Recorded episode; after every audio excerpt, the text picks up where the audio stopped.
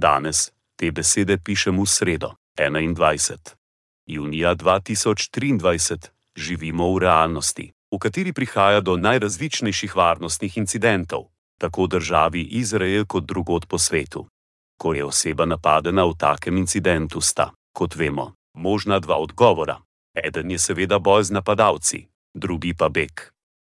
Ko pa gre za invalida, ki pade v takšno situacijo, zelo pogosto nobena od teh dveh reakcij ni možna in tako se ustvari smrtna past. In še več, za mnoge invalide telesna okvara invalidni osebi ne dovoljuje, da bi držala pištolo za samo obrambo. Iz teh razlogov je morda prostor za odprto obravnavo zaščitnih ukrepov, ki jih invalidna oseba.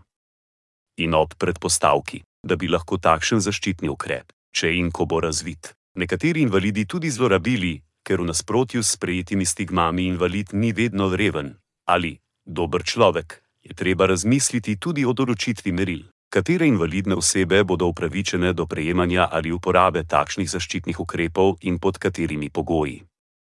Avtor je Sef Binamini, prebivalec soseske Kirjat Menečem v Jeruzalemu, Izrael.